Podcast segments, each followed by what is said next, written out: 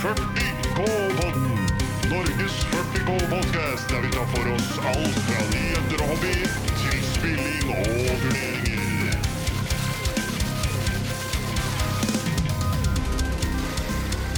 Hei og velkommen. Dette er 40K, en norsk Warhammer-podkast. Dette er episode to. Mitt navn er Glenn, og som sist er det to andre her også. Grandpa Smurf, lord of Ultramar, Frans. Hei, hei. Og mannen som helst ikke tar i modeller med mindre base enn 100 mm, Stian. Hallo! Ny episode, nytt tema. Eh, vi har jo eh, litt andre ting vi skal gå gjennom òg, som sist. Blant annet eh, hobby og gaming. Vi har en hobbyhack, denne gangen eh, av Frans. Stemmer det. Litt nyheter og litt diverse fra det store internett. Den norske 40K-scenen har vi i hvert fall litt mer enn eh, sist å gå gjennom, siden det har skjedd bitte litt, i hvert fall. Og eh, episodens tema blir competitive spilling. Så eh, da er det bare å kjøre i gang og kose seg. Yes, ok, gutta. Hva har dere gjort siden sist? Frans? Jo, jeg blei jo ferdig med den gigantiske figuren som jeg snakka om forrige gang. Eh, Den får jeg malte for en kollega. Den ble jeg veldig fornøyd med sjøl. Og kunden ble også veldig fornøyd. Alle kompisene hans var ganske jelly på den. Ellers så har jeg da fulgt opp eh, klubben i Drammen enda mer, da. Prøver å være der ti, hver tirsdag som mulig. Mm. Så har jeg limt sammen noen flere Ringenes herremodeller. Jeg har fått tak i eh, Den døde kongen, blant annet. Og så noen eh, metall-råhan-figurer. Og så har jeg spilt eh, to 40-kamper. Og så kjøpt litt maling og sånn. Og så kjøpt litt figurer av Tore. Og så fikk jeg endelig få testa den 70, Scale 75-malinga. Og den var kjempedigg. Ja, hva, hva tenker du om den? Nei, den var utrolig eh, lett å blende eh, med vettpellet og, og få den til å gå inn i hverandre, de fargene. Så du fikk en sånn smooth overgang.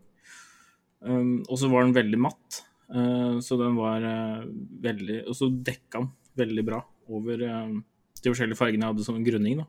Ja. Mm. Ja, men det, er, eh, det er kult, for det er jo, som jeg nevnte sist òg, en maling som jeg har eh, fått testa litt, men da med litt eh, altså metallfarger, da, gull blant annet. Hva med deg, Stian? Har du eh, gjort noe nytt siden sist?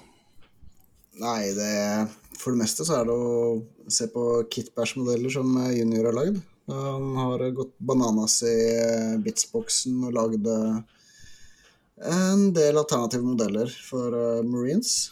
Det er mye Power Fists og Power Swords og Lightning Claws om hverandre. Det, er, eh, men det er mye kule resultater, så nå må jeg bare få spraya dem på jobben, så jeg kan begynne å male.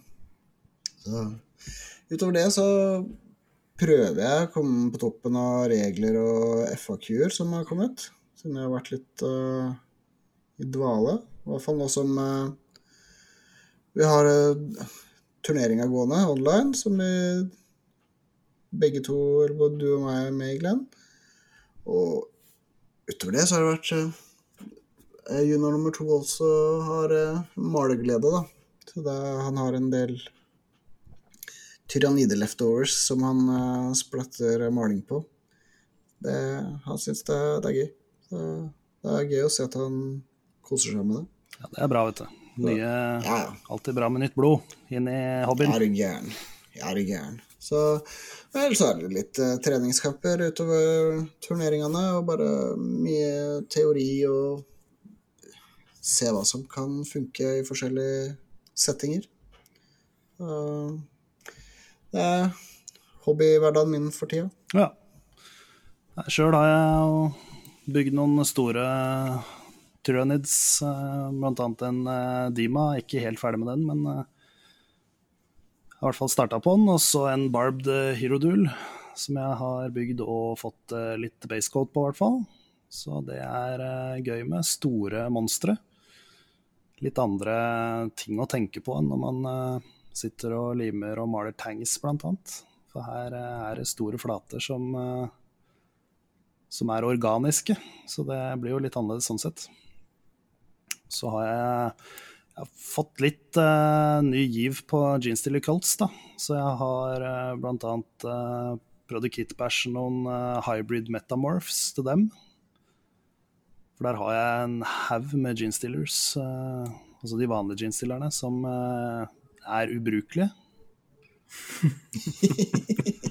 og eh, da har jeg, jeg googla litt, og så fant jeg noen, eh, ja, noen eh, ideer på nett som jeg har prøvd å, å få til. Da. Så da har jeg egentlig brukt uh, jeansstille kropper, og så Acolyte Hybrids hoder og armer, sånn at det blir jo ja, litt mer rein tyrannid enn en, uh, jeansstille Coltsa, så det passer jo sånn sett også. Med Det er kult, da. Man har jo utrolig mange muligheter til å videreutvikle de kidsa som er der. Ja. Og uh, det er i hvert fall ikke noe å spare på disse jeansdealer-kidsa, for det, der trengs det en uh, seriøs overhaling av regler. Altså, for det er uh, altfor dyrt i forhold til hva de gjør på brettet, i, sånn poengmessig. Der trengs det noe mer attacks og noe Ja, jeg tenker to liv. Fire attacks, base. Kanskje til og med fire pluss pluss. Så begynner vi å nærme oss noe som er brukbart. Ja, to wounds burde i hvert fall være minimum. Feed dem en primaris treatment, så kanskje de kommer seg på brettet. Ellers så har jeg jo da, i og med at jeg har fått litt sånn ny vår på Jeans Delicates, så har jeg holdt på med litt sånn theory hammering der, da. Med å se litt hva det som funker, hva det som ikke funker. For de har jo forandra seg utrolig fra 8. edition til 9. Nå ligger det jo på bånn av alt av rankinger, så det er jo en forskjell fra der de var, når de vant veldig mye turneringer for eh, noen år siden. Så jeg eh, leser meg opp litt på regler igjen, for det er jo veldig mye ganske innvikla, komplekst, eh, det man kan gjøre med den her der. Så. så det er jo det jeg har drevet med i det siste. Så jeg har jeg fått spilt noen kamper òg, da. Så det kan vi jo også kanskje snakke litt om, hva man har gjort eh, med tanke på spillinga. Så mm. Frans, du har vel spilt litt du òg? Jeg har fått to kamper eh, inn under beltet nå, siden forrige gang. Så fikk jeg testa Crusade-kamp mot uh, han Eirik på klubben. Han som uh, arrangerer den. Så da tenkte jeg at jeg skulle lage en sånn Ultramarines uh, Melee-bild mot hans sine Space eh, Wolves. Eh, og for å si sånn, det funka ikke så bra. Nei. Nei. Jeg slo ikke like hardt som det han slo meg, for å si det sånn. Så de valpene, de, de tok og beit meg i stykker. Så det, det endte i tap. Ellers har at en 2000 poengskamp, sånn oppvarmingskamp for Steven. Siden han ikke har spilt så mye 9th edition ennå. Mot eh, den nye kodeksen Death Guard. Og fy, for å si det sånn, Death Guard det er noen seige jækler, altså. Det er eh, bare oppoverbakke for min del, i hvert fall. Og i tillegg så i tillegg så gjorde jeg en sånn skikkelig rookie mistake, så jeg ble deep strika i ryggen og omringa. Og når disse boblene stiger, og alt jeg har er da tøffenes tre, og jeg får ikke gjort noe skade på dem, mens de får gjort masse skade på meg, så da døde Ultramarines i en ganske lett kamp mot han. Og så har jeg også spilt eh, Blackstone Fortress. Ja. Ja. Hva med deg, Stian? Åssen er du ligger an på spillinga? Ja, nei, jeg, har, eh, jeg er med i to turneringer på- i Tabletop Sim, da. Så det Dagene går jo fort, holdt jeg på. Så, eh, det er én der har jeg spilt um, Siste kampen var mot Death Guard, faktisk. Og da med Mortarion og to uh, Terminator Bombs, og det var uh, Det var en seig kamp. Det, det skal er jo seie som fy, som sagt. Så, men jeg klarte å dra, inn, dra i land en 86-79-seier der sånn. Og jeg tok ut uh, Mortarion i runde fire. Så oi, oi. brukte, brukte Ignorerte den i to runder, og så måtte jeg ta den fra runde tre, for det var det ingen andre nyttige mål igjen å prøve på, så da fikk jeg den ned. Så Han ble litt lang i maska når han tok ut en Wardog som eksploderte, og så den fikk en Wardog til til å eksplodere, så da plutselig rant det inn med Mortal Wounds på den. Dominoeffekt, det der. Oh yes, det, det føltes godt at, den, at de faktisk endelig eksploderte når jeg trengte det.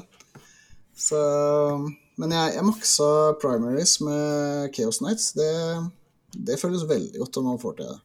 Ja, det er kult. Og, mm, så det å pushe fram på Engage on all fronts er også helt awesome. Det, med den 15-tomme moven jeg har på alle bikkjene mine, så løper jeg jo dit jeg vil. Mm. Så, men jeg banka inn tolv poeng på Assassinate også. Det var eh, Der så jeg egentlig for meg å være happy hvis jeg fikk inn kanskje ni poeng eller noe. Da fikk jeg inn eh, tolv. Da var det da var det stor fest i stua. Da jeg tror han eh, var litt uh, overraska da jeg tok det igjen på slutten her. Men uh, det, det var gøy. Så, Mortarion er seig som fy, altså, men eh, det er uh, Det er gøy når, han- når det sitter. Så, Jeg har ikke fått prøvd meg mot de nye Death Guards ennå, men det kommer vel en gang, det òg. ja, nei, jeg hadde jo en kamp eh, mot en som heter Lars også, som eh, i den norske turneringa, som du også er med i. Da fikk jeg land en 77-58. Så da var jeg fem poeng unna maks primaries der òg. Det dekker noen enorme områder med de når jeg setter i gang. Så det er Alt det ligger i movement for min del der. Altså det er det jeg har bygd lista rundt, og det er det som funker. Så Ja. Det er greit for meg å vite, siden vi skal møtes neste runde. Så. Ja da, jeg, jeg løper den jeg fortere enn aner. så Nei da. Men det, ja, ellers så har jeg hatt uh, Tapt mot Eldar og tapt mot Tyranids. Og det er vel uh, de kampene som har vært mest å snakke om. Det er jo den kamp, hersenskampen jeg skal ha mot Salamanders, da, som jeg både gruer meg og gleder meg til. Det, jeg vet ikke hva du tenker om den kampen? Nei, det blir spennende. Det blir jo litt annerledes enn det jeg har spilt mot uh, med Salamanders før òg. Så, Mm. så det Nei, jeg gleder meg. Nå har jeg mye Melta i hæren min, da, så Ja da, det veit jeg veldig godt. Um, men, men jeg får ta det som en uh, wardog. ja. Ikke sant? Mm. Ja, men det var i hvert fall mine eh, ja, kamper verdt å nevne. Da, i hvert fall. Så, Ja. mm. Sjøl har jeg eh, spilt fire kamper siden forrige pod. Så spilte en 1500-poengskamp eh, mot uh, Tau med Salamanders. Den vant jeg 74-71, så det var en veldig jevn kamp. Uh, det var en litt uh, annen måte å spille mot eh, Tau på enn jeg har gjort det før, i hvert fall. For det, de var aggressive. De kjørte på, skulle inn, kom med noen Devilfisher bl.a. inn i min deployment zone og eh, ja. eh, holdt egentlig mye objectives. Kjørte den eh, at han skal holde mer enn halvparten. Og det fungerte med droner og eh, battlesuits og, og Croots, blant annet, som eh, også var veldig bra, i og med at de har scout move før kampen starter. Så gikk han bare rett på et objective og deploya scrambler der, så da hadde han jo allerede første turen eh, tatt uh, midt-scrambleren. ja, så det er smart. Mm. Men vi hadde jo to uh, forholdsvis store units som gjorde relativt lite begge to. Jeg hadde jo en Invictor Warsuit med. Uh, den forsvant jo første tur, for han hadde jo en uh, Fusion Commander med fire fusions. Så da Åh, var den relativt fort borte. Og han hadde en sånn long strike eh, tanks, en sånn hammerhead med character oppi. Den også forsvant eh, etter Han fikk skutt med den en gang, vel. Så ja, men det er ofte det han trenger. ja. Men det blir litt sånn på 1500 poeng eh, ofte, at eh, når man først begynner å ha med litt større ting, så blir det liksom med én, kanskje, og da er det et veldig lett target. Hadde det stått en eh, Riptide og noe annet på brettet i tillegg, så hadde det kanskje vært litt verre for meg å eh, bestemme meg for hvor jeg ville skyte, da. Og så spilte jeg en 1500 poengs mot uh, Harlequins også. Det var også med Salamanders. Den vant. Uh, 56-30. Det blei en litt sånn uh, jeg holdt på å si rotete kamp uh, for begge to, egentlig, med tanke på missions og objectives. For vi prioriterte nok litt rart begge to, men Jonas, som han heter Uh, kunne nok skåret veldig mye mer poeng hvis han hadde bare gjort uh, noen ting litt annerledes. Men uh, jeg har vært i de skoa der før, ja, at man ser at å, her kan jeg begynne å drepe. Og så er det det du tenker på istedenfor å kanskje gå over i deployment zone eller deploye den scrambleren eller ja, de der detaljene da, som gir deg poeng. Får de blod på tann? Ja, det ble en blodig første tur, for å si det sånn. De de er raske, disse her bikesa til Harley Quinns, når de kan uh, move, advance og charge. Så Ja. det var rett opp i en ruin. Jeg hadde noe Eradicator stående, det. Og der uh, forsvant det litt. Uh, og så har jeg spilt en 2000 poengskamp mot Drukari.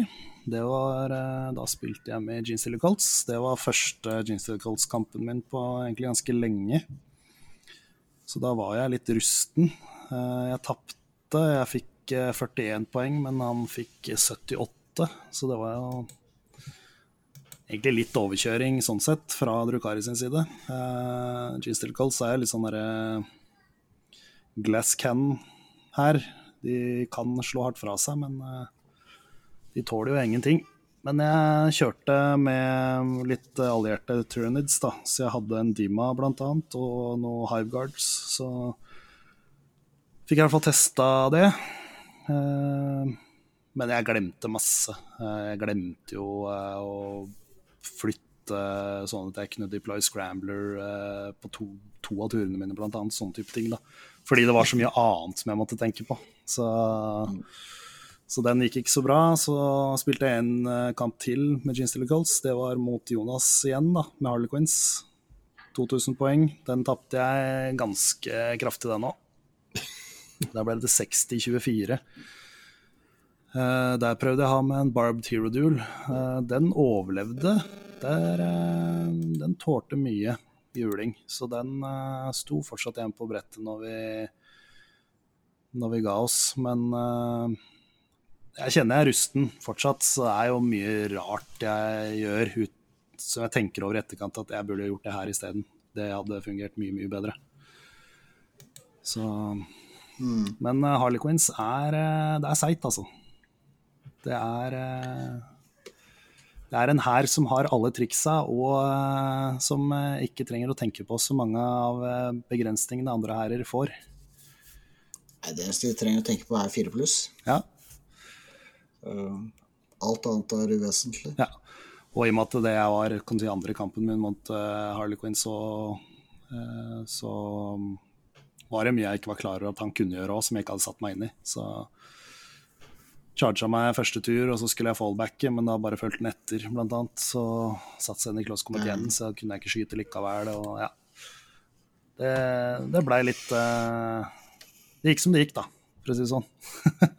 ble litt uh, gotcha moments. Ja. Men sånn er det. Uh, man lærer mye da, av sånne kamper. Så mm. neste gang skal jeg prøve en litt annen Cult Creed enn uh, det jeg har brukt hittil.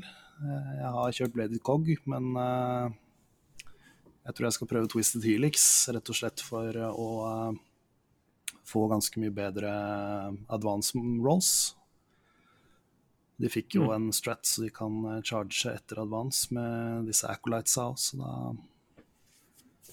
Så må jeg være mye mer tilbakeholden. Jeg kan ikke være så aggressiv i deployment som jeg har vært i de to siste kampene. For de tåler ingenting hvis jeg ikke starter. Så mister jeg altfor mye førster. Mm. Så det er det jeg har gjort uh, på gamingfronten siden sist. Så gleder meg til mer. Det blir gøy. Mm. Ja. Gleder meg tilbake til det, i hvert fall. Ja, det blir bra. Det blir bra. Mm. Det blir spennende å følge den kampen mellom dere to. Ja, vi har vel planer om å kanskje putte den online når vi spiller via discorden, discorden vi har. Okay? Ja, det har vi snakka om, så det, Ja. det får vi sikkert uh, til. Mm. Yes, da er vi på hobbyhacken, da. Ja, i dag så var det jeg som fikk den. Den store ære. Ja, jeg for, for Er det to år siden jeg starta med Ultramarines? Så så jeg på en uh, YouTube-video fra han Squidmar som gjorde en sånn uh, non-metallic gold uh, veldig lett, da. Og så tenkte jeg det skal jeg prøve. Og så fulgte jeg de stegene, og som, til slutt så sitter jeg nå med en hel Mart Ultramarines her, så, her som er non-metallic gold. Fordi det, jeg ble helt bitt av den basillen med å prøve noe nytt, og det funka, og det var lett, og det ser bra ut. Ja. Syns jeg, da. Men eh, non eh, Non-metallic metal, som det kalles. Ja, For de som ikke veit hva det er. Kan du forklare det, eller? ja det er du, du maler eh, metall uten å bruke metalliske farger. Ja. Du bruker de vanlige akryl primærfargene, da. Til å få fram eh, Så skal du se sånn halvveis metallisk ut. Mm. Så det, så det jeg har gjort, da, det er at jeg brukte en undercoat med Grey Sear, som er den derre kontrast-basen. Og så eh, Nå har jeg fått da undercoata alt det jeg skulle ha i gold med, med den. Så gikk jeg over da med den kontrast eh, i ja, den yellow. Mm. Da, da malte av 100% av den Gracieren med den. Så etter det så gikk jeg opp med en eh, layer, eller en shade, da, som er den der contrast eh, snake bite leather, som jeg la på en måte da 40 av eh, der både skyggene faller da, på, på figuren. Så på shoulderpads og sånt, så nederst og litt på kantene. Hodeskallene så er det på en måte inni øya og under kinnbeina og rundt hendene og sånn. Ja. Og så gikk jeg opp på en highlights med den vanlige Uriel Yellow.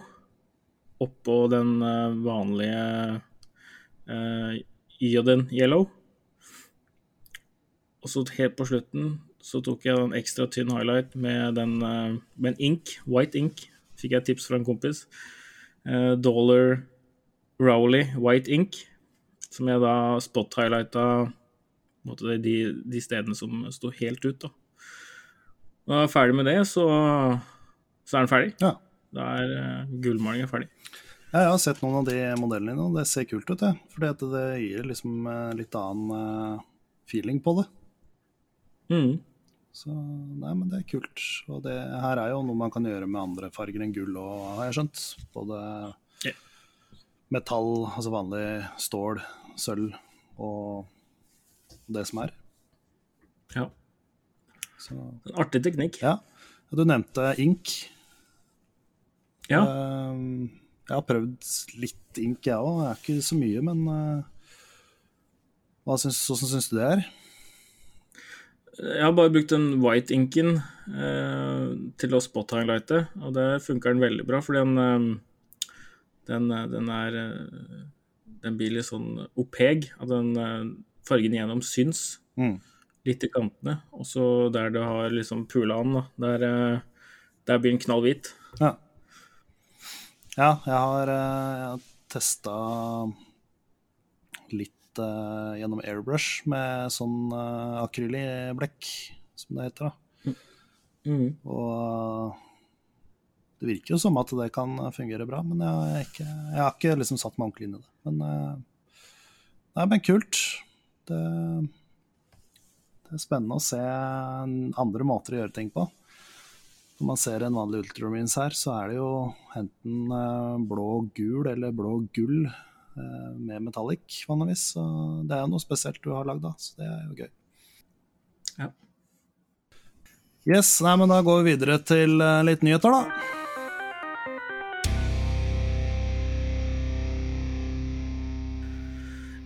Da har jo Dark Angels nå endelig sluppa supplementet.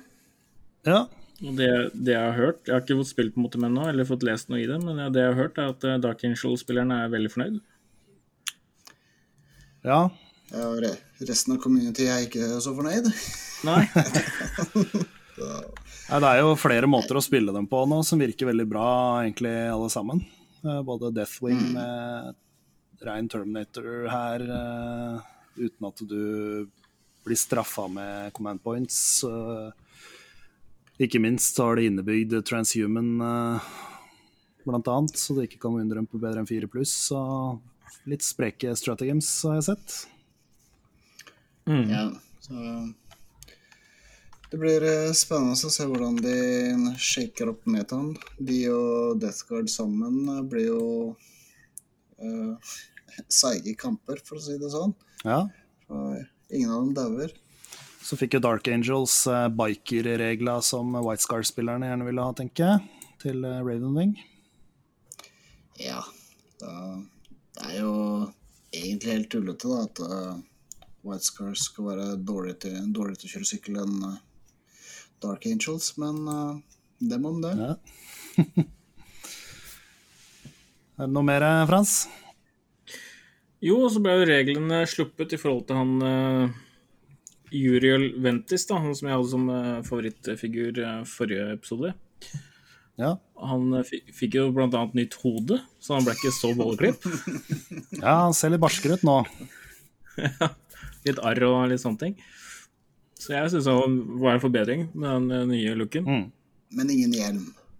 Nei, ingen hjelm. Jeg så Sprue Options, uh, bilde av Spruen. Det var ikke noe hjelm options. Herregud. Han er vel en Primaris, så det går vel an å smelle på en uh, vanlig Primaris-hjelm hvis man ønsker, kanskje. Det er nok uh, et must, tenker jeg. For min her, i hvert fall. For jeg gjerne har hjelm på alt. Eh, Stats hans er jo ganske vanlig captain's eh, stats, med to pluss eh, weapon og ballistic, og styrke og toughness er fire og seks wounds, fem attacks, tre pluss save. Mm. Men uh, våpenet hans er litt barske, da. Ja, han har litt Det sverdet grom uh, rifle. Ja, det er da range 30 tommer, rapid fire 1, styrke 4, minus 2 AP. Så i tactical da, så blir det jo da minus 3, og så er det 2 damage flat. Det er deilig. ja, Grei den, da. Og hvis han ehm, skyter og treffer på, eller, eller wunder på seksere, så er det additional one mortal wound. Ja. Ja, det gjelder både skyting og close combat, faktisk. Ja. Det ser sånn ut. Um, det, det er nice. Bra sverd på nå. ja pluss 1 styrke, minus 3 AP og 3 damage flat. Det er fint å ha mye damage nå, spesielt med den regelen til Death Guard som eh, Mm. Mm. Men overraskende å være kun uh, pluss én i styrke. Ja, det er jo et, et uh, power sword av en eller annen variant, da. Så det er vel det som er tanken bak det, vil jeg tro. Ja. Så, men med tanke på special character så, og name sword, så ville man jo kanskje hatt styrke to, ville jeg trodd. Men, men Ja. Ja. Jeg er enig med det der. Alltid ha mer styrke.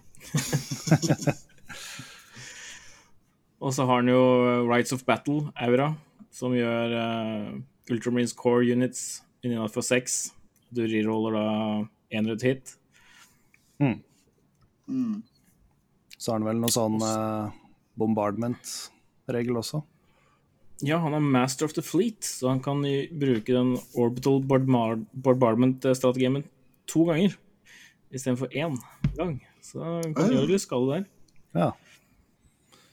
Den uh, er jo blitt litt endra siden uh, forrige kodeks, uh, mener jeg. Eller var det den før der igjen? Men eh, nå må du jo vente en tur før han treffer. Men eh, den kan jo være bra likevel, den. Hvis du setter den på et objective eller noe sånt, f.eks. Ja. Og så reduserer den kosten på command points til én istedenfor tre på den bombardmenten. Da blir den jo plutselig ganske mye mer interessant òg. det er billigsalg. Og så har han en sånn Active Strategies-strategien. som eh, gjør eh, Du kan få en, da, en uh, unit så du får den med i Devastator og Tactical og Assault Doctrine. Ja, for den er vel Samtidig. billigere. Den strategien er billigere hvis han er på brettet eller noe sånt, tror jeg. Mm. Så Nei, det kan bli spennende. Det er ing- ingen rage limitation heller. Så det er hvilken som helst unit. Mm. Mm. Det er nice. Det gjør plutselig noen units eh, bedre i eh, turer som de kanskje ikke har noe boost fra Doctrine. Så det, det kan være bra, det, altså. Ja. Yeah. Og så har jo Warhammer Quest kommet med nytt spill. ja. Cursed City. Og personlig så syns jeg det ser vanvittig spennende og bra ut. Det er vel en Blackstone Fortress-type spill, bare i Sigmar-universet, ser det ut som. Ja. Det er vel sånn det er, ja. Det er i hvert fall fryktelig mange kule modeller som kommer i, kommer i den boksen. Mm. Og så er det mye fint. Det er rart det der at det er mye fine modeller som kommer. Eh, Så jeg kommer nok til å skaffe meg den. Ja. Det vet jeg at uh, Tore og Kim også kommer til å skaffe seg. Den uh, viste de jo fram på den previewen som var nå ja, denne helga som vi spiller i nå. Mm. Og uh, det var en annen ting de viste fram der òg, da. Det var jo en liten video om en uh, viss Demon Prince, så det ut som. Ja. Yay. Den nye Er det Bellacore den heter? Ja, det skrives vel i hvert fall sånn, tror jeg. Så Ja. Kan jo være et hint til eh, at det vil bli litt endring på han i 40 000 òg, da, vil jeg tro. Ja, det er vel overhengende fare for det. Um, men uh, det blir spennende å se hva de gjør med hele karakteren. Så det blir spennende med modellen, i hvert fall. Mm. Hvis, hvis det er han, da, vel å merke. Men uh, Det så liksom ut som samme posen med den pekinga og Ja, det så ut som en Dimmy Prince. Så ja, vi må jo se når det, når det kommer mer info, men Så er det en ny FAK, FAQ i forhold til poeng. ja, de retta jo opp litt på Mm. den uh, poengjusteringa de gjorde for en liten stund tilbake. ja. Så det var noen Drukari-modeller som blei uh, satt tilbake dit de burde være, Ja. blant annet. Mm. Så det, det er jo alltid greit å få det balansert, i hvert fall. Det er jo det det handler om. Ja. Og så er det generelt noen flere av Age of Sigma-modeller som har sluppet, som jeg ikke har helt oversikt over. Så så jeg jo at de uh, previewa litt uh, på Drukari, da. Eller Dark Eldar, om du vil. Der eh, kommer det vel en ny kodeks om ikke altfor lenge. Skulle vel egentlig kommet nå i februar, eh, mener jeg de snakka om først, men det har vel blitt litt forsinkelser. Ja, som alt annet. Ja, men de viste i hvert fall fram uh, nye stats på Cabalite Warriors og uh, Splinter Cannon. Så jeg syns det så interessant ut. Ja, Cablightene får jo et ekstra angrep, og de får en bedre save.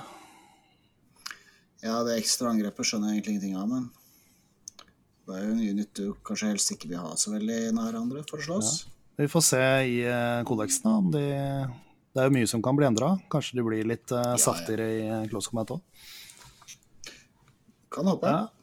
Splitter Cannon. Range 36. Heavy 3. Gått fra Rapid Fire 3. Det vil jo si samme antall skudd på lang range, men eh, færre skudd på kort range. Men uh, den har jo blitt litt kraftigere òg, da.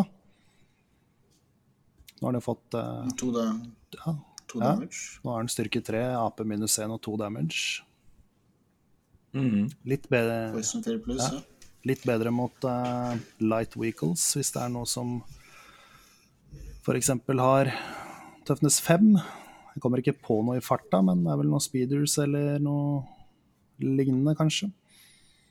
Bikes? Det er ikke vehicles. Nei, det er det ikke bike. Det er ikke det. Så nei. Det funker vel Poison uansett. Men uansett er vel Splinter Cannon eh, Kan jo tenke Heavy 3, det er dårlig på infanteri, men det er vel ikke der de vanligvis setter Splinter Cannon. Det er jo på Venoms og, og disse her raske småflya sine, så den blir jo ikke påvirka av det. Nei, det er rart det med hele 3, men eh, kan hende de gjør noen andre endringer med movementen deres, da, så vi får se. Det kan uh, bli spennende.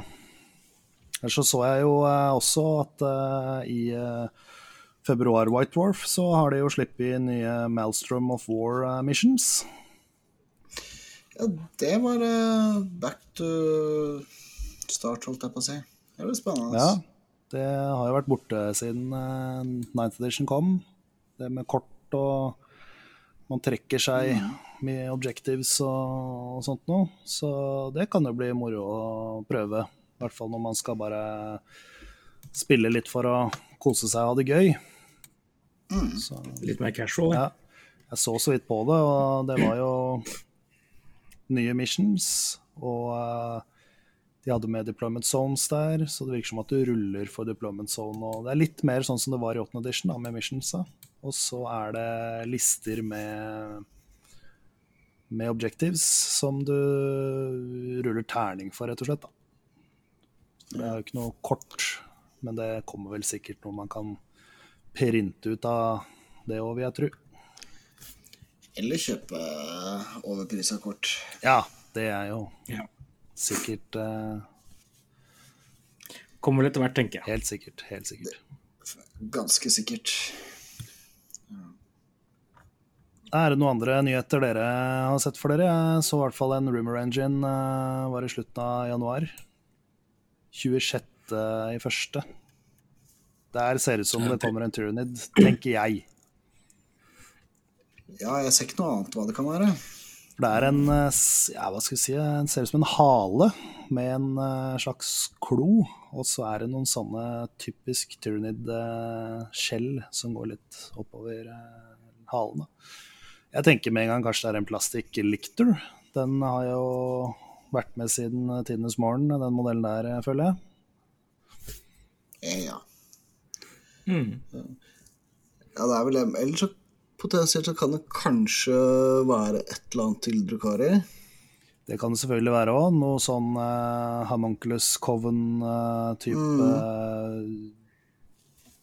Hva skal du kalle det? Det er ikke dyr, men eh, skapning. Ja, Talos-ish, nei, samme familien der kanskje. Ja. Så, Nids eller Drukari vil jeg i hvert fall tro det er. Eller noen Chaos uh, Ja, Demons. Vi kan jo tenke at det kan være en del av primarken til eh, Emperor's Children, f.eks. Nå drar vi langt, men Ja, man, man har jo lov til å håpe Ja. da. men, eh, men ja. Um, kanskje. Det blir spennende å se. Sa du noe om når det Nei, de sier aldri det i ryktemaskinen. Nei, det er jo bare Kommer når det kommer, det. Ja, så det er jo alt i disse dager. Mm. Så Artig liten hentai-tentakel. Ja. Får se hva det blir ut av. mm. Altså Utenfor GV sine bredder da, så har Warlord Games kommet med Black Seas og Napoleonkrigen i sånne uh, miniatyrer. Mm. Så uh, Kim og Tore på klubben de er jo helt ekstase nå og har kjøpt seg blokke, tror jeg, på det som er, som kommer der, fra Rune. Jeg sjøl skal også ha Black Seas. Det er sånn der piratinspirert uh, brettspill. Miniatyr uh, skirmish game. Der vi skal skyte med svartkruttpistoler og kanoner og det som er på, uh, på havet. Mm. Så det kan bli spennende. Ja. Mm. Nei, det var vel eh, det som vi har klart å grave fram av eh, matnyttige nyheter. eh, som vi har fått med oss, i hvert fall. Sikkert mer, men Det er jo alltid mye som ligger rundt omkring. Men uh, vi kan jo bevege oss videre til uh, neste tema.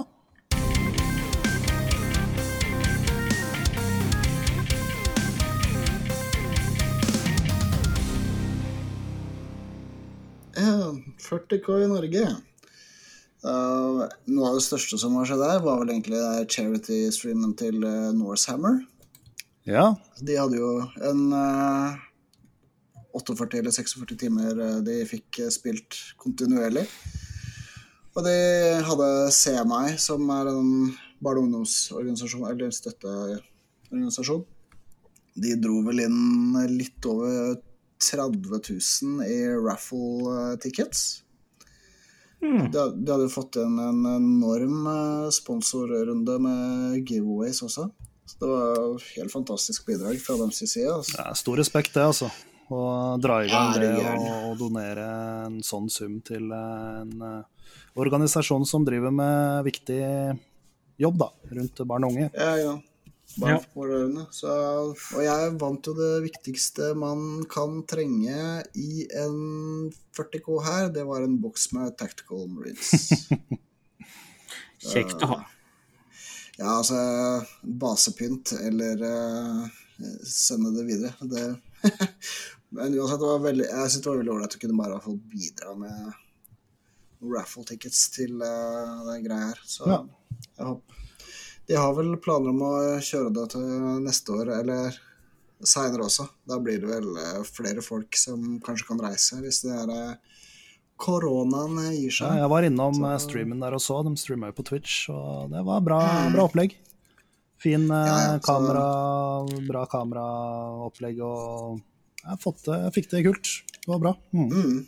Det er eh, bra folk som er med der òg, så jeg, jeg liker det å møte dem eh, rundt omkring. Og se virkelig spennende å se til de byrommene der. Altså. Så shout-out til uh, Norsehammer-gutta der. Så, Mm. Bra jobba. Yes. Så, Sjøl så har vi jo Tabletop Space Wars, som er vår egen lille TTS-turnering. Så der er vi inne i runde to nå. Så første runde, da var det jo heftige poengsummer, hvor Bjørn dro i gang med 97-20 mot Marius. Det er den høyeste scoren. Oi. Så Frode med Ultramarines vant jo 87-23 mot uh, Tempestus Science. Så jeg fikk i gang 77-58 mot uh, Death Guard. Uh, Glenn slapp unna med en uh, walkover, 60-10. Uh, Ja. Eirik med Adeptus Mechanicus vant jo 89-48 mot uh, roligheten sine Ultramarines. Rasmus uh, sine Necrons banka Kim sine Necrons med 87-55. Så det var uh, mye spenstig som skjedde. Men i runde to så fikk vi da perfect score med 146, hvor Rasmus sine Necrons vant mot Frode sine Ultramarines. Så det var ganske De, de viste den kampen på discorden. Det var eh,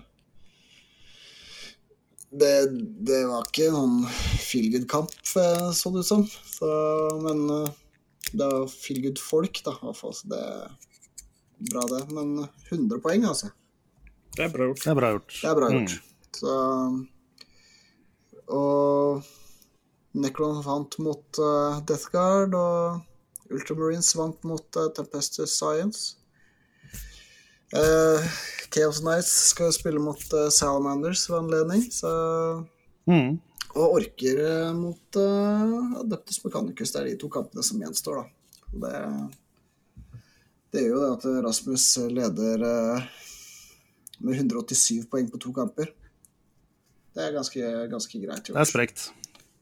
Ja, så det er ikke så Men uh, hvis Bjørn drar uh, 90 poeng i neste kamp, så er det jo i samme gata. Så det, det er tre runder vi har, da. Så det Vi kan faktisk sitte med to ubeseira hvis vi er uheldige. Eller er vel en stor sjanse for at vi gjør det. Mm.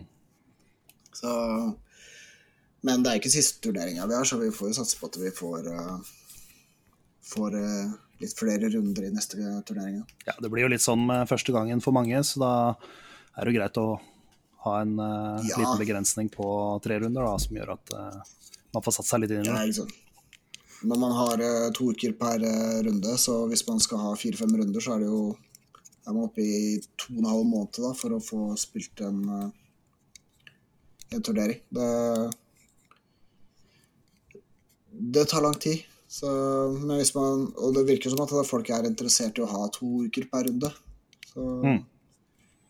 da er det Hvis man har én uke per runde, så er man ferdig i løpet av litt over en måned. Så det, men vi får ta det litt som det kommer. Så, så lenge vi sliter med å kunne møtes eh, personlig, så får vi gønne på online i hvert fall.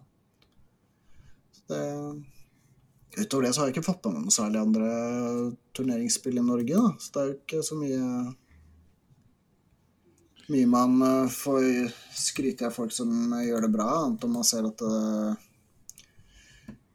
Rasmus nå har klart to heftige wins, i hvert fall. Men det overrasker meg ikke at han gjør det bra. Mm. Så jeg, jeg holder en finger på at han eller Bjørn drar det her i land. Så Men Eirik også. Vi får se. Det blir spennende å se, i men eh, sånn når eh, koronaen forsvinner, da, så har man jo da de to store i Norge. Det er jo Invasion, som har flytta til De ramla vel ned på 19. til 21. november. Og Armakan, som er eh, 3. til 5. september. Det, de har vel fortsatt noen plasser ledig, tror jeg. Så Men det blir iallfall spennende å se om da Armacon dukker opp igjen et halvt år seinere. Siden de på en måte er i begynnelsen av året. Om 2022 blir eh, et halvt år etter 2021-event. Det blir, Mm. det blir spennende. Så. Vi tenkte jo på å kanskje ta en eller annen episode og uh, gå litt mer inn på de forskjellige turneringene. Og kanskje vi til og med får mm. fått med oss noen av de som arrangerer. På litt info. Ja, det er jo Får ta og sende ut noe bestikkelsesbrev og høre om de er interessert i å reklamere litt for seg selv. Har dere tenkt å reise, eller? Jeg hadde kjøpt uh, billett til uh, Armacon, så men jeg sendte meg mail spurte om jeg kunne flytte den til neste års uh, eh, event. Så jeg får se om jeg, jeg, jeg, jeg Er det trygt å dra, holdt jeg på å si? Er ting under kontroll, så drar jeg nok på begge. Ja. Håp, håper jeg får til, i hvert fall. Vet ikke med deg, Glenn? Jeg har ikke planlagt noe ennå, det hadde selvfølgelig vært gøy, men uh, vi får se hva det blir til. Jeg tenker litt på en invasion og se om vi får eh, dratt med en gjeng fra DSF og reist nedover. Ja, Invasion er en fantastisk uh, turnering å dra på, i hvert fall. Mm. Eh, bare for det sosiale så er det kjempegøy. Jeg har vært der en gang før, og det var eh, i forhold til eh, War Machine. Ja, var, det når de var, var de på skolen da, eller? Ja, det var to ganger jeg har vært, faktisk. To ganger jeg har vært på skolen. Da nå er de jo på Scandic-hotellet. Det er jo luksus! Yes. Da var vel det vi hadde om uh, norske scenen i, i dag. Ja. Så da kan vi jo gå videre. Da er vi på episodens tema, da. Og eh, jeg føler det temaet vi har valgt eh, for dagens episode, er eh, Ja, man kan snakke mye om det. Det er competitive spilling. Kanskje Ja. Både sett på med positive øyne og negative øyne. Kan være et veldig betent tema for mange. Så det kan være litt uh, morsomt å dele hva man sjøl føler om det. Mm. Vi er jo uh, Altså, competitive spilling, det er jo uh, det ordet de fleste bruker. Og uh, competitive, det betyr jo egentlig konkurrerende. Altså kjempe. Jeg var inne på en ordbok og så det Betegnelsen er å anstrenge seg for å seire eller overvinne noe eller noen. Å oppnå eller forsvare noe. Og eh, det er vel strengt talt derfor man spiller uansett, er det ikke det? Jo, det er jo, Jo. det jeg òg tenker. Eh, For det er jo litt sånn Hva er kompetitiv spilling? Eh, Hva tenker dere om det når dere hører ordet kompetitiv? Kan begynne med deg, Stian. Ja, competitive spilling for min del er uh, uh, Det er harde kamper. Uh, på rettferdige vilkår som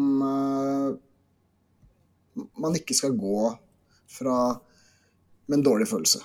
Mm. Selv om man blir banka sønder og sammen, så skal man kunne sitte etterpå, ta en øl og le av kampen. Eller man kan vinne stort og fortsatt uh, føle at man ikke hadde en, en dårlig kamp, da, eller at motstanderen hadde en dårlig kamp. Ja. Så for spilling for min del også er jo det at eh, hvis man Nå, okay, nå spiller jeg en liste som går veldig fort å spille, så jeg har, eh, jeg har mye tid, da.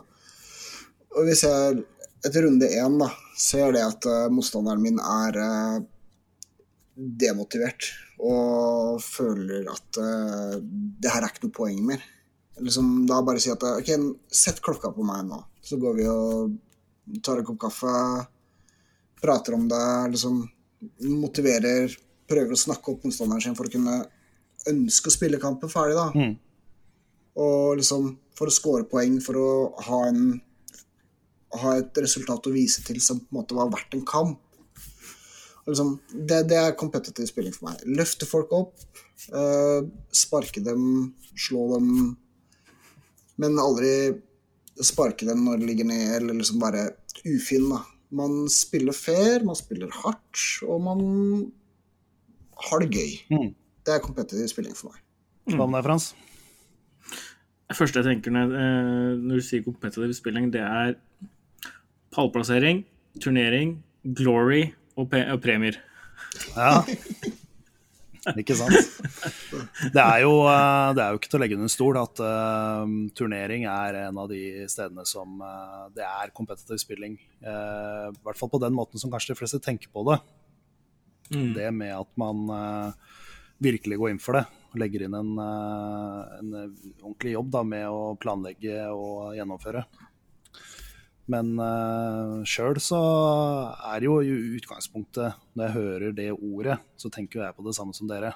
Eh, turneringsspill, Uh, altså litt mer seriøst, da. Men, uh, men sjøl så Når jeg sitter og tenker litt på det, så Altså alle som spiller Warhammer, de, selv om du spiller eh, og tar deg en pils samtidig, så spiller du vel for å vinne. Uansett, tenker jeg. Man spiller for å ha det gøy, og mm, det å vinne kan jo være gøy. Det, kan, det å tape kan også være gøy. Eh, Men ja, spille for å vinne, det gjør vel de fleste. Ja. Og så er det jo forskjell på det å spille for å vinne, og det å spille for å vinne for enhver pris. Ja. Ja, men sånn fra mitt ståsted, da, så det å spille for enhver, eller vinne for enhver pris, da er man kanskje ikke Det er ikke kompetitivt lenger. For det som kompetitivt er eh, for meg rettferdig. Mm. Og enhver pris, da er man inne på regelbøying og gotcha moments og liksom overraskelsesmomenter da, som man drar inn. Og da, da er man litt utafor Da er man inne i en litt annen kategori igjen, føler jeg, da. Ja, for det er jo også en gjenganger som eh, i hvert fall jeg har sett på de turneringene jeg har vært med i, er jo at hvis man f.eks. møter en eh, person som kanskje ikke har vært så mye borti den hæren du spiller, eller, eller andre veien, da, at du møter en hær som du kanskje ikke har møtt før, eller det er lenge siden du har spilt mot, så er det jo ingen som eh, prøver å holde ting eh, hemmelig. Altså, de spiller jo med åpne kort, sånn sett. Så det er jo veldig Ja, ja. fair play, føler jeg da. Så man kan ta et sånt eksempel når jeg satt og så på den eh, streamen mellom Rasmus og Frode. Så når de da prata om hæren sin, så presenterer jo Rasmus ja, jeg har et par stratagems som kan oppleves som gotcha moments, og det er de her. Mm. Da Åpne kort er jo ekstremt viktig for at man skulle kunne ha en rettferdig kamp. Mm. Så, absolutt. For det er jo både fordeler og ulemper med, med det man eh, kan kalle competitive spilling, da. Og er det noen ting, fordeler f.eks., for da? Eh, Frans, hva er det du tenker? Fordel ved, ved å spille kompetitivt, da? Du får jo en veldig trening i den hæren du spiller, og ikke minst den lista du spiller. Og for sånn med meg, så Hvis jeg skal spille kompetitivt, så prøver jeg å lage en liste som jeg skal bruke i turnering. og Da spiller jeg den lista om igjen og om igjen for å se mønster, eh, teknikker, strategien eh, og, og sånne ting. Mm. Ja, for det er jo en ting som, eh, som er jeg i hvert fall ser på en fordel da, med kompetitiv spilling, det er jo det at det, eh, ikke nødvendigvis at du har den beste hæren som avgjør dette her. Det er jo strategien bak det, den som faktisk spiller dette her, som, eh, som avgjør, da. Ja, absolutt. Uh, Og Men man, man har jo ofte Man har jo selvfølgelig visse builds eller armies hærer da som vil fungere bedre, og hærer som absolutt ikke vil fungere. Og jeg har på en måte kanskje valgt mer det siste. At sjansen for at min type hær skulle kunne vinne f.eks. Invasion, den er ekstremt liten uansett hvem som hadde spilt den. mm, Så, fordi den er ikke bygd hardt nok. Den har ikke uh, det som trengs, da. Nei, ikke sant. Så For det er jo visse Så- ting som uh, for å kunne kan du si, hevde deg litt i en f.eks. en turnering, da, så er det jo visse ting som du på en måte må innfri, da, som vi kommer litt tilbake til litt senere her. Men, uh, men det er jo sant. Noen ganger så er det jo nesten lik null sjanse for å kunne vinne, selv Ja, om det er verdens beste spiller som spiller her. Så det er jo igjen fortsatt et uh, terningsspill, og man Det er jo fortsatt mye strategi uansett, så det å tenke taktisk og kjøre på med Mm. Det er viktig å ofre en liten offergave til uh, terninggudene før man uh, setter i gang. Altså. Det, Ja, de, de hater meg uansett, så det, det er ikke noe problem. Så er det i hvert fall eh, en annen fordel som jeg i hvert fall ser på, da. Det er jo at det er jeg vil si det er jevnere kamper, da, fordi eh, de fleste går inn i det med samme utgangspunkt. Og det er at de har optimalisert både taktikk og lister ut ifra det de har tilgjengelig. mm. Så, og det, det, det blir jo liksom samme utgangspunkt eh, som gjør at det også blir veldig spennende veldig ofte. Ja. Mm. Og det, Og så er det jo positivt med det med å Det er jo med på å skape miljø. mm, Turneringer. Du møter jo mye mennesker. eh, nye mennesker. Eh, du blir kjent med nye mennesker. Du, du får en større omgangs, omgangskrets da, som dyrker den samme hobbyen som det vi gjør. ja, det er i hvert fall en stor fordel. Mm. Mm. Ja, ja, ja.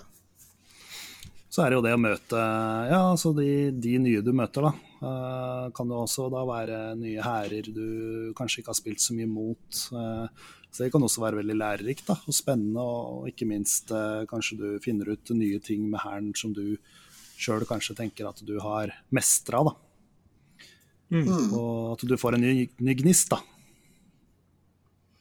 Ja, det å reise hjem fra en turnering hvor man har spilt kompetitivt i to dager, og liksom Det første man gjør når man setter seg i bilen, er å tenke ut nye lister.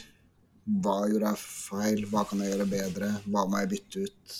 Så liksom Det er jo en kjempefordel av hele greia. Så bare det å sette seg ned og diskutere med motstandere man har møtt på nettet i ettertid, og liksom det sosiale aspektet, det med å få nye kontakter, Mm. det er utrolig mye hyggelige folk man møter sånn sted. Ja. Så er det jo eh, selvfølgelig noen ulemper, holdt jeg på å si òg. Hvis du skal kalle det det. Eller eh, i hvert fall kan si negative påstander da, om det å spille kompetitivt. I hvert fall for de som eh, kanskje ikke har gjort det så mye, så er det jo mange som har forskjellige tanker rundt det.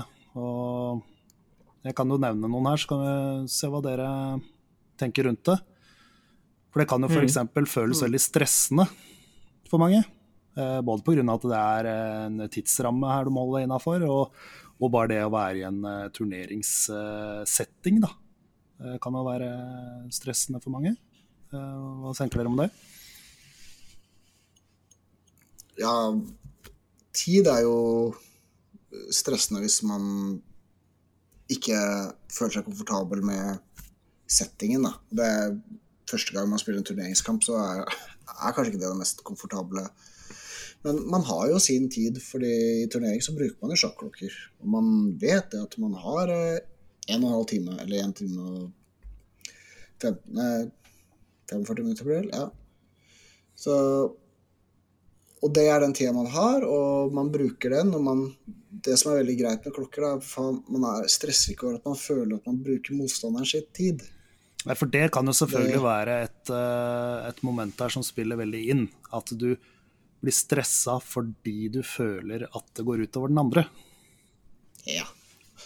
Det, det slipper man jo da med klokke. Men og hvis man da stresser fordi man ikke har nok tid, så må man revurdere lista man bruker. Og hvor godt man eventuelt kan det. Mm. Så det altså, Tid er på en måte noe man er noe av det man burde stresse minst med da, i en turnering. Mm.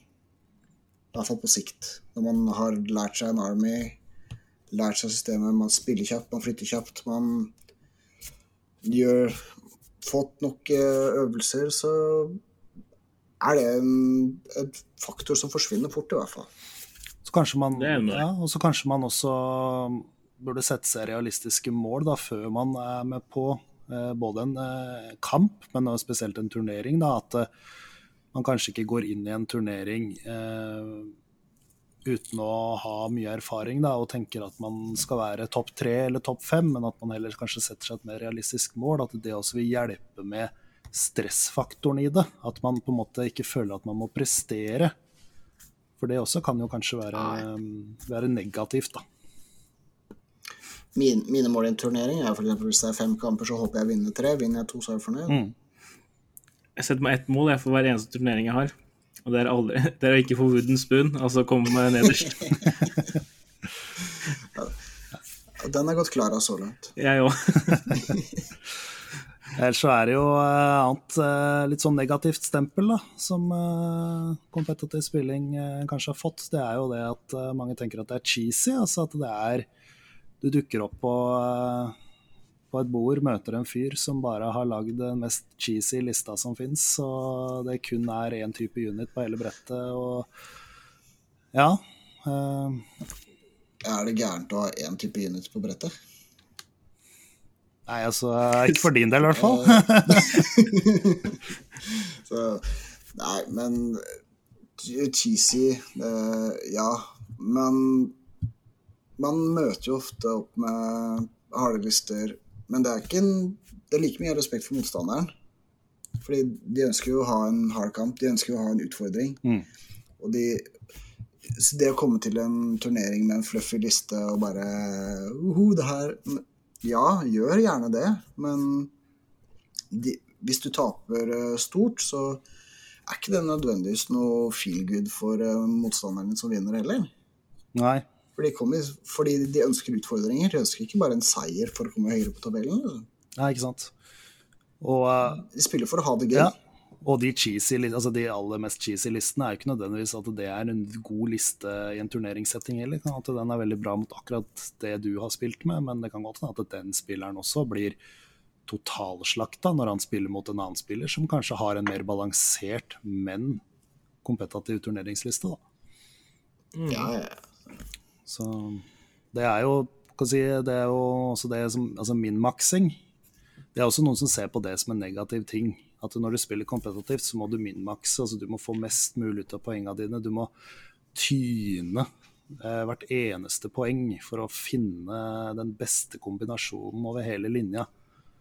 Men er det, ja, det, ja. Ja, men er det eh, Altså, selvfølgelig de som spiller narrative spilling, da, eller kjører en fluffy liste, det blir noe annet. Men Men de aller fleste tenker jeg de pleier vel å prøve å optimalisere lista si ut ifra poeng uansett. Ja, det tror jeg nok. Så nå får, når jeg driver og prater med en kompis, så får jeg alltid beskjed om at jeg lager Stian-lister. Det er bare okay, Hva er Stian-lister? Okay, det er harde lister som mulig, men eh, jeg ender jo aldri opp med å bruke dem. Jeg syns det er kjempegøy å kjøre mattehammer på dem alle sammen, men jeg bruker dem ikke. Nei? Så, men det å minmakse er eh, Det kan være positivt òg. Mm. Fordi det gir motstand den du spiller mot, en vesentlig større utfordring. Og en større utfordring kan være gøyere, det kan være mer lærerikt. Og ja. Mm. Det kan også være win-win. Ja. Så er det jo en annen ting kan jo være det at det kan være vanskelig å justere seg da, etter motstanderens nivå, og ikke minst tankegang. Eh, jeg tenker jo med en gang der at én ting er å, å tape. Eh, alltid, vi snakker alltid om at eh, ikke være en dårlig taper. Eh, det gjelder jo i all spill og alt som har med konkurranse å gjøre. Men eh, det er også en, en ting her som jeg i hvert fall føler at jeg eh, har god erfaring med, da, med alle de jeg har møtt som jeg har tapt mot. Og det er jo det som heter vinn med stil. Ja. Det er viktig. For det å bli grusa i en kamp, det ikke sikkert det er så gøy, men eh, det er enda mindre gøy hvis han som står på andre sida av bordet ditt, gnir det inn og eh, nesten blir ufin. Ja, det, det er en ting, men det som uh, kan føles like ubehagelig, er det å gni det inn med overdreven sympati. Ja, ja, ikke sant. Så det er jo en uh, Det, annen del av den uh, vidden med stil. At du mm. Gi konstruktiv tilbakemelding, fortell hva du ville gjort annerledes. eh, Vær med på å bygge litt opp igjen. Mm. Eh, så sånn som den yngste turneringsspilleren vi har, da, som både er, hos, eh, er i Drammen og hjemme hos, liksom, han, er jo, han var vel ni år når han begynte. mm, Og, og det er ti år nå, tenker jeg. Eller Ti. Han, sp- han kommer jo med fluffy lister og syns det er kjempegøy. Og, men han igjen har jo da hatt de beste kampene hvor han har blitt grusa, liksom. Fordi han har fått uh, mye positiv tilbakemelding og fått utfordringer, liksom. Så det, det er Vinne med stil er det å hjelpe folk, Mm. altså. Eh, Jeg og Steven på klubben, vi har jo Når vi spiller mot hverandre, så er jo vi Jeg vil jo si at vi er de dårligste vinnerne og taperne som fins når vi spiller mot hverandre, meg og Steven. Du har jo sett oss, du, Glenn. Ja, det, det kan bli eh, noen gloser her og der, men eh, Men alle er venner etterpå, så det er jo det viktigste. Ja, det er det. Mm. For eh, det man i hvert fall vil unngå, det er vel å være that guy, eller hva, Frans? Ja. Jo, det har jeg tenkt litt på. At det med, du nevner kompetitiv spilling, og at du liker det, så får du fort det derre that guy-stempel. At du Å ja, det er, det er han, ja. Du har, når du kommer på klubben, så er det liksom ikke alle lyst til å spille mot deg fordi at eh, du tenker bare kompetitivt. Du har bare de verste listene eh, og sånne ting. Det er jo en liten ulempe, da. Ja. Noen andre som er litt mer casual, tenker sånn om deg. Da tenker jeg jo også at der må man jo kanskje avtale på forhånd. Skal vi spille en kamp? Skal vi kjøre bare helt enkelt, eller skal vi kjøre litt hardere linje? For det Det kan jo bli stygt hvis du møter opp med en uh, moroliste og møter en fyr som har sittet og brukt uh, timer etter timer på uh, å finne den beste lista si. Ja, man burde alltid spørre hva slags kamp eh, den andre ønsker. Det,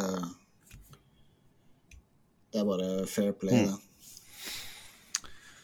Så er det jo noe som kanskje også flere tenker på, da. At det kanskje kan være tidkrevende, da. Og eventuelt dyrt. Så det å lære seg eh, måten å spille på, øve på det, mestring av eh, hæren din og, og den type ting. Kan jo bli litt reising hvis man vil spille turneringer. Eh, mange tenker kanskje at de må eh, bygge ny hær ofte, eller eh, endre på hæren sin, eller den type ting, da.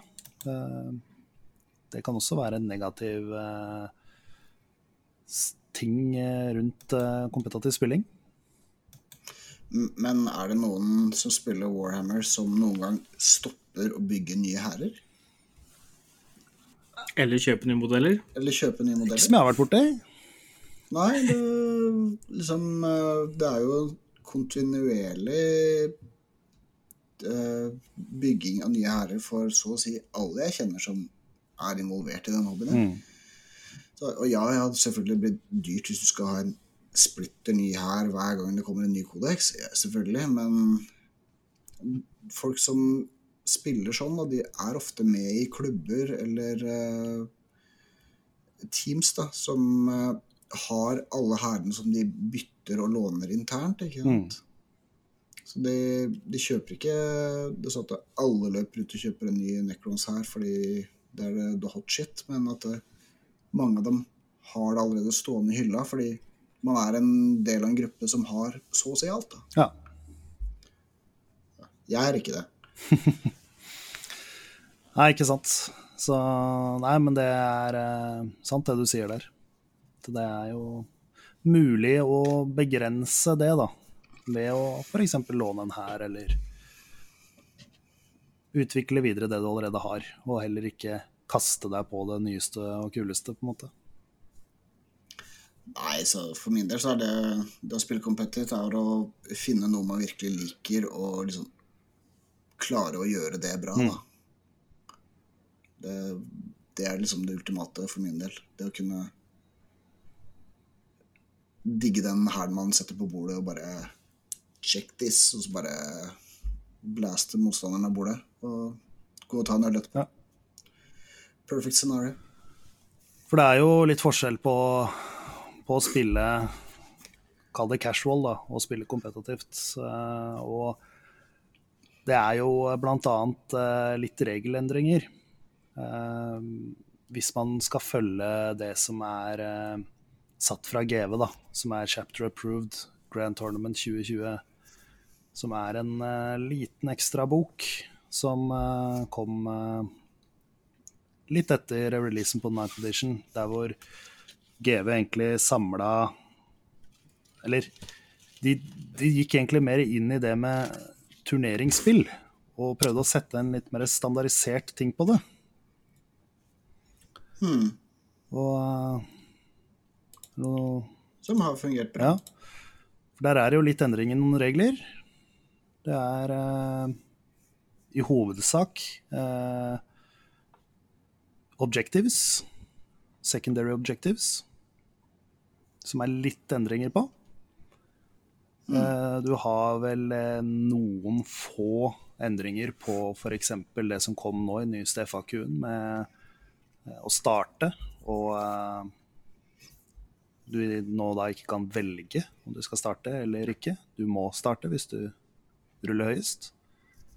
Og eh, det med score primary objectives i slutten av tur fem for den som ikke starta. Det har redda meg. Mm. Allerede. Så det, den endringen liker jeg.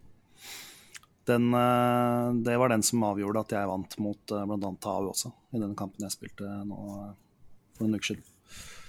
Mm. For da får du litt mer spillerom, fordi det har jo vært en stor fordel det å starte eh, for veldig, mange.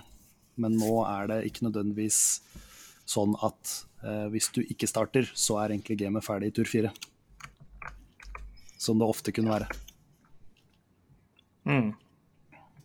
Uh, og så er det jo ja, litt endring på missions. Det er egne GT-missions, da.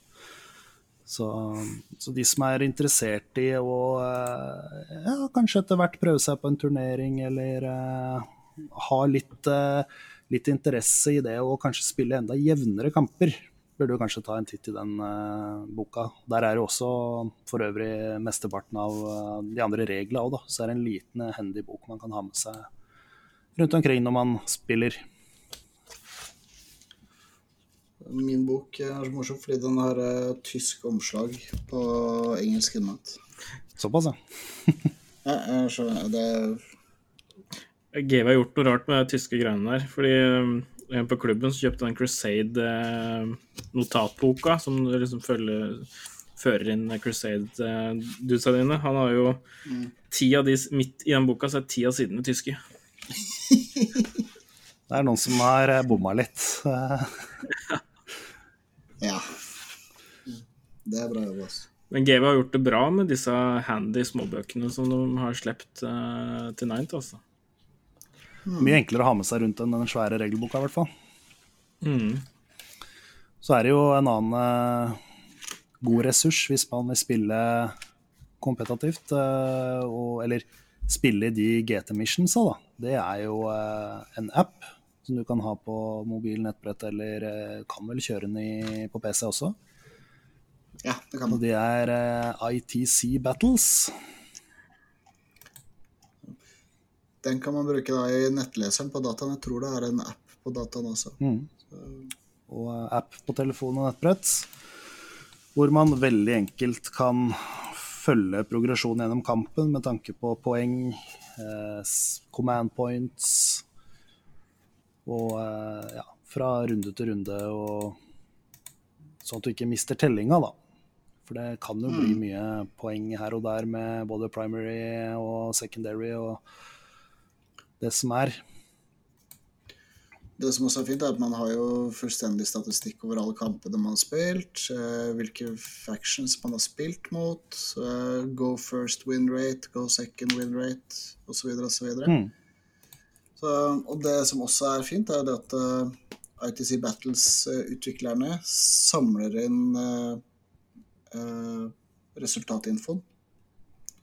Så bruker de det til å utvikle Bruker de det til å utvikle uh, stats. Gunhammer bruker det blant annet. Mm. De bruker det tallene fra den appen her. Ja. Uh, Jeg tror også det var det den som faktisk var brukt i denne metawatchen til uh, Warhammer Community òg. Det er jeg ikke sikker på. Da skal jeg bare Ja, bare gå. Jeg må sjekke. Ja. Så, Og så er det jo en app til, og det er BCP. Det er jo eh, mest hvis man skal organisere noen eh, events eller turneringer, da. Best Coast Pairings. Eh, jeg har brukt den litt. Du har vel brukt den eh, litt mer enn meg, eh, Stian? ja, jeg har brukt det i noen år nå. Jeg har brukt den på alle Eastfold-turneringene. Så det er eh, helt supert. Det er pairing og poeng og alt sånt. Alle lister ligger der, så man kan også abonnere på det. Så kan man faktisk ta og åpne opp alle listene til turneringer som turneringsvinnere som har vært, hvis man er nysgjerrig på på stats og liksom, hva som har vunnet sånn. Jo, forresten. Uh, Warhammer Community har brukt uh, ITC Battles-appen for å eh, finne win rate Ja. i, fra oktober til januar. Mm. Så det, det er mye info de det er, Ja, den uh, tabellen de brukte, så var det 17 000 kamper som var uh, meldt Ja. Det er ganske har jo også fått en sånn eh, kan du si game tracker-funksjon i en av de nyeste oppdateringene òg. Men den er en del enklere enn ITC Battles. Uh, så, Ja, den har jeg ikke testa. Altså. så jeg syns i hvert fall ITC Battles er mye bedre. Og der kan du også f.eks. sende en link til eh, Hvis du har noen uh, venner som lurer på hvordan kampen går, så kan du sende dem en link, så kan de se på scoren som oppdateres underveis. Da. Og, eh, så det er kjekke ting å se på hvis man er interessert i å enten spille litt mer kompetitivt, eller eh, har lyst til å kanskje bli med på en turnering eller noe sånt hvis man ikke har det. Ja. Det er bare å spionere. Ikke minst. Så er det jo noen ord og uttrykk da, som vi har eh, vært innom. Noen av dem i hvert fall. Som har med kompetitiv spilling å gjøre, mer enn i hvert fall casual spilling. Og eh, bare sånn for å gå gjennom dem òg, sånn at de som hører på, som kanskje ikke er like i det, kanskje får et litt bedre innblikk da, når de f.eks. leser en artikkel eller hører en uh, annen podkast, eller, eller, på oss, får, får vi håpe. det er f.eks. Meta, da. Så hva er, hva er meta? Hvordan fungerer det? Det er hva som er i vinden akkurat nå, ikke det? Stian, har du Ja. Nei, det er vel um, mest populære, sterkeste bilsa man uh, kan få. Det er vel det som blir en meta, det man har mest av, det som er størst sjanse for at man møter, og Ja, Ja, det er annet ord for uh, populært. det blir jo det. Eh, men den kan jo også være altså, Det er jo lokalt i hovedsak eh, en meta, ofte. Og det er jo f.eks. hvis vi sier på Norge-metaen. Nå, greit, nå har vi jo kanskje ikke så mye tall på det her og nå, eller så mye stats på det her og nå, men USA har kanskje en annen meta enn Australia har, eller England har. Også. hva er det som gjør det bra? Eh, og uh, hvilke builds, uh, hvilke units, hvilke kombinasjoner. Eh, Og selv om man sitter kanskje da og ser at oi, her er det eh, eksempel eh, Nå trekker jeg bare ut Eldar, da. Eh, De vinner alle kampene i alle turneringer i Australia. Så de må jeg spille, for da vinner jeg turneringer òg. Det er ikke sikkert at det kommer til å skje nødvendigvis, fordi det er en helt annen meta. Ja. Du ser jo sånn som Tyrannide Horder var jo supersterkt i Australia, som siden du nevnte, men de hadde jo aldri kunnet klart seg noe særlig i den metaen som var i f.eks. USA. da. Blitt pløyd opp og gravd ned. Så, Men som meta sånn bare i Norge, da, er jo veldig forskjellig òg. Mm. Hvis, hvis man f.eks. ser hva som går i, på, rundt Stavanger-området, da. Hva som kommer på turneringer der. Og så tar man og ser hva som kommer på turneringer i Moss. Mm. Så er det jo det to vidt forskjellige ting. Det, er det som da er morsomt med at man får en nasjonal meta rundt uh, Invasion og Armacon, f.eks. Ja, får For der samler, samler man jo alle sammen. Og da finner man fort ut at det kan, som kanskje funker uh, lokalt, ikke funker nasjonalt. Eh, Ikke sant? men meta, meta er bare det som er uh, mest representert. Ja. Så er det min-maksing, men det har vi jo egentlig vært innom, da. Det er jo det å tyne, tyne det ut. Få mest mulig for poengene dine. Ja. Uh, take all commerce, lister. Det er jo Ja, hva er det? Hva slags lister snakker vi da? Det som kan fungere mot alt. Ja. Uh, gjerne da ikke tailoring eller sånn supersterk på én ting, men kan stå imot det meste og levere en punch mot det meste. Mm. En eh, Swiss Army Knife. Ja, det blir litt mindre minmaxing kanskje, men eh, litt mer uh, bredde. At du ikke bare har antitank eh, guns og at du bare skal stå og overleve på objectives, men at du har en liste som da kan takle å møte alt fra hordeliste til eh, eliteliste til uh, tanksliste, nights Ja. Du, du har uh, triks uh, mot det meste. Mm, Ofte de listene som gjør det veldig bra. det er det. Alle husker vel uh, Castellan-lista med Blood Angels og Custodes var vel med der òg en periode. Det var en eh, take all commerce-liste som eh, var høyt oppe på de fleste turneringer en god stund i 8. edition, i hvert fall. Tapte kun mot hverandre. Ja. Du hadde jo Loyal 32 fra også, som var veldig sånn òg. Det var jo, Ja, det var det samme. det var jo et eh, innslag i de fleste Imperium-lister, det. For å få litt CP. Men nå er jo spillet endra, så nå Ja, de listene har ikke vært papiret det er skrevet på i dag, for å si det sånn. Og det neste er jo det å skrive lister, da, men å hente det ut òg nettlisting. Det er vel at du tar listene som andre har skrevet på nett, er det? Som er OP som, skjer, som regel, som folk eh, tenker, da. Det er det. Du tar en liste som vant en turnering, tar den sjøl og håper at du vinner. Mm. Eh, ofte så skjer jo ikke det, men eh, Nei, det kan jo slå begge veier, det. Fordi eh, det kan jo være at den spilleren som eh, spilte den lista, kanskje har vunnet Adepticon eh, flere ganger, eller LA Open og Ja. den slags. At det er en ganske god spiller. Og det er mer enn bare lista som gjør at den har vunnet, mest sannsynlig. da. ja, jeg tar ikke Sean Aiden sin Eldar-liste og hopper, eller Eldari-liste og hopper inn og vinner noe greier, liksom. Det, det skjer jo ikke. Listene har jo mye med piloten å gjøre òg. Det er sant.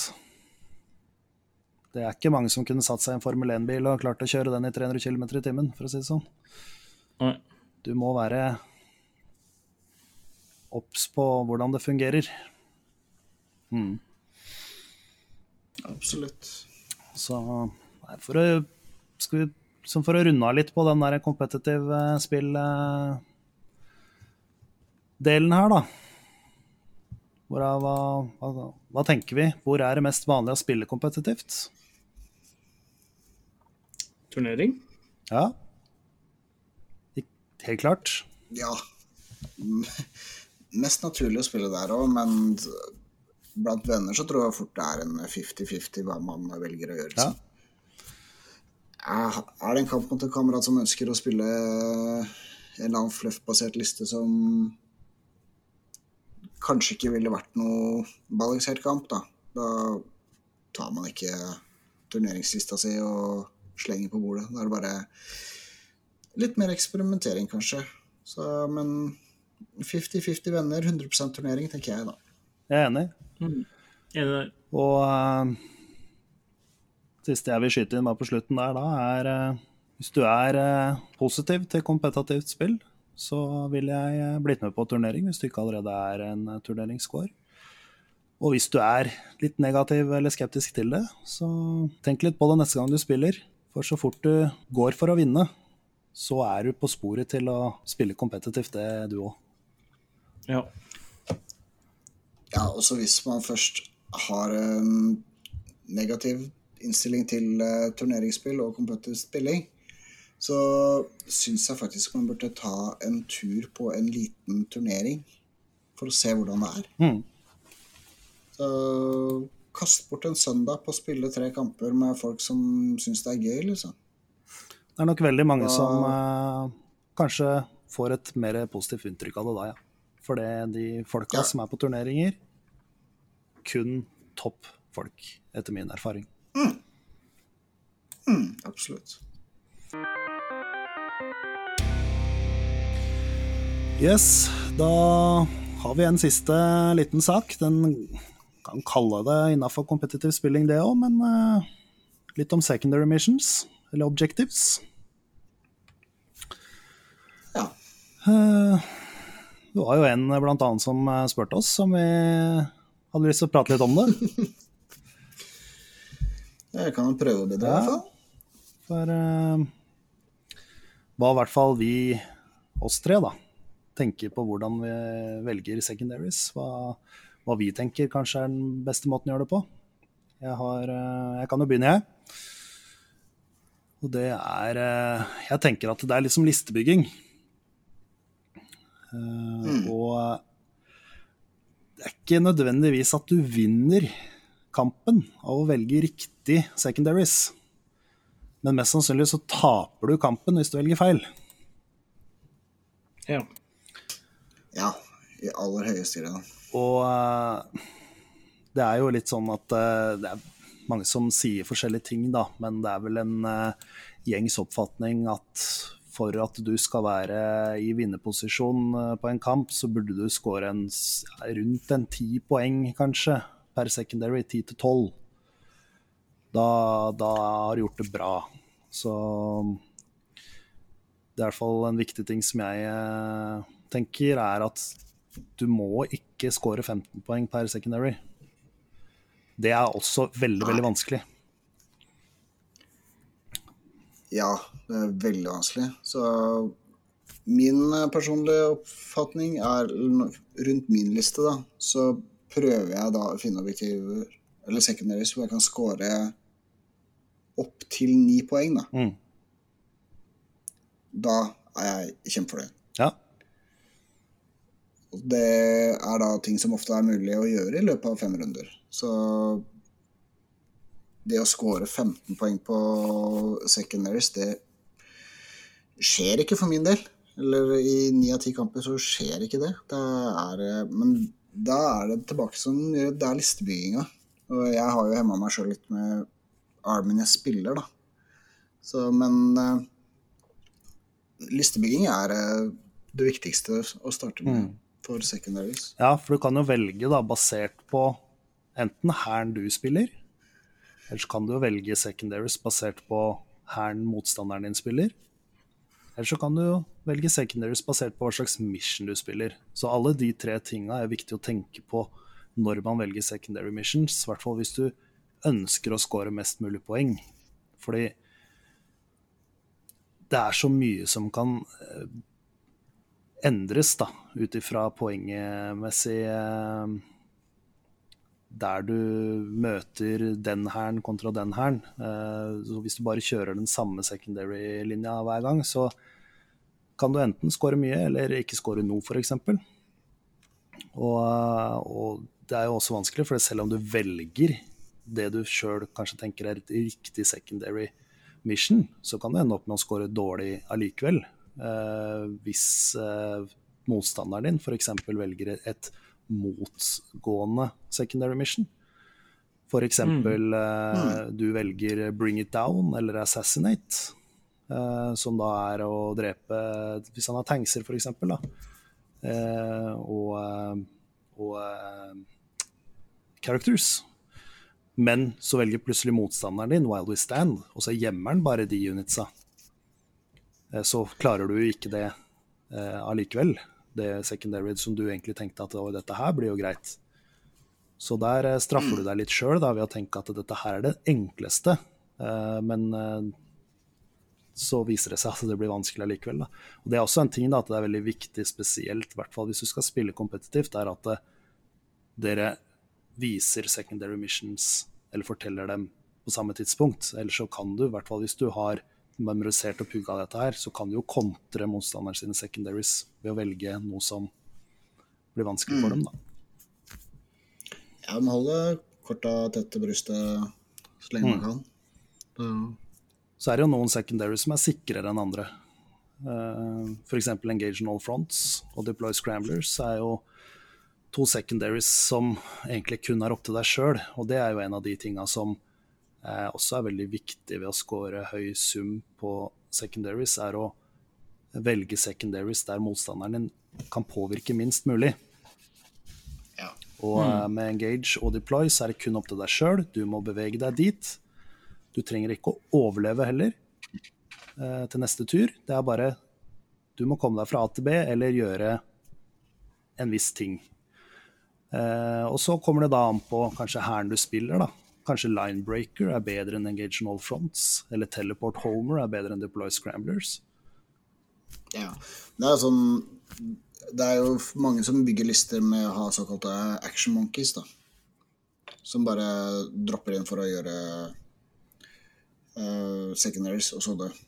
Det, med å deploy scramblers, det er jo ofte ti sikre poeng fordi man bruker 150 poeng på action monkeys, da.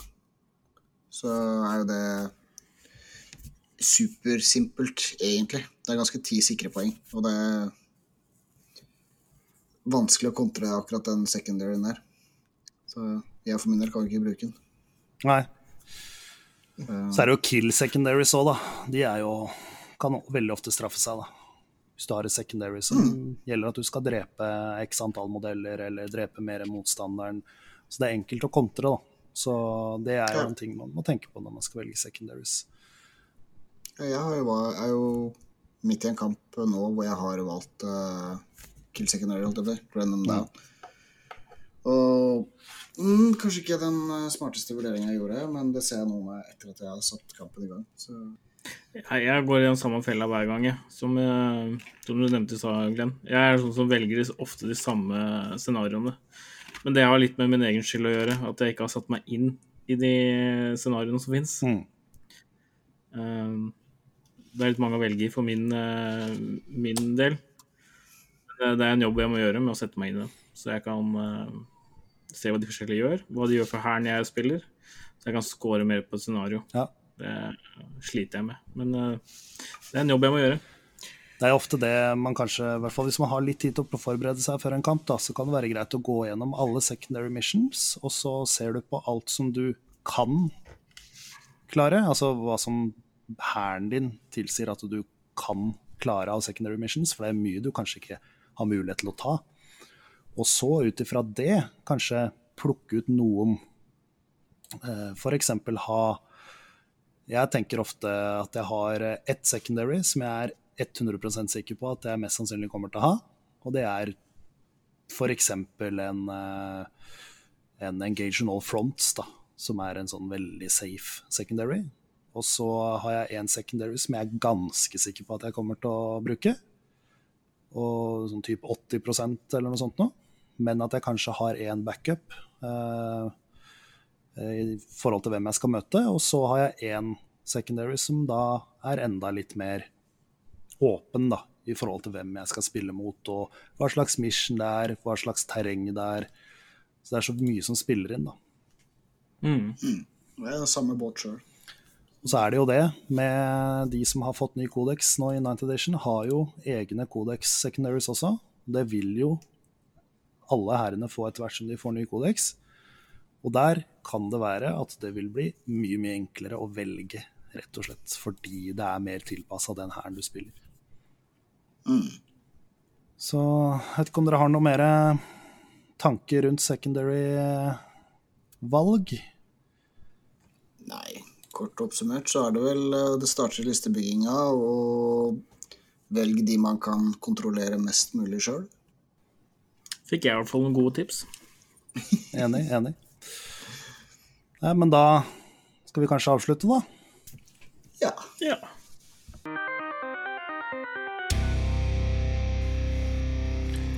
Yes, da var det det vi hadde i dag. Så får vi håpe at eh, de som har hørt på, har likt det. Og bare bare komme med tilbakemeldinger som sist, hvis det er noe dere har på hjertet. Positivt og negativt. Alt, eh, alt trengs. Og ikke minst konstruktivt. Det er alltid positivt for oss, i hvert fall. Så er det jo bare å subscribe da, på din eh, valgte podkastplattform, så får du jo beskjed når den nyeste episode kommer. Vi eh, satser vel på i hvert fall å få ut en i måneden, så får vi se hvordan det bærer videre.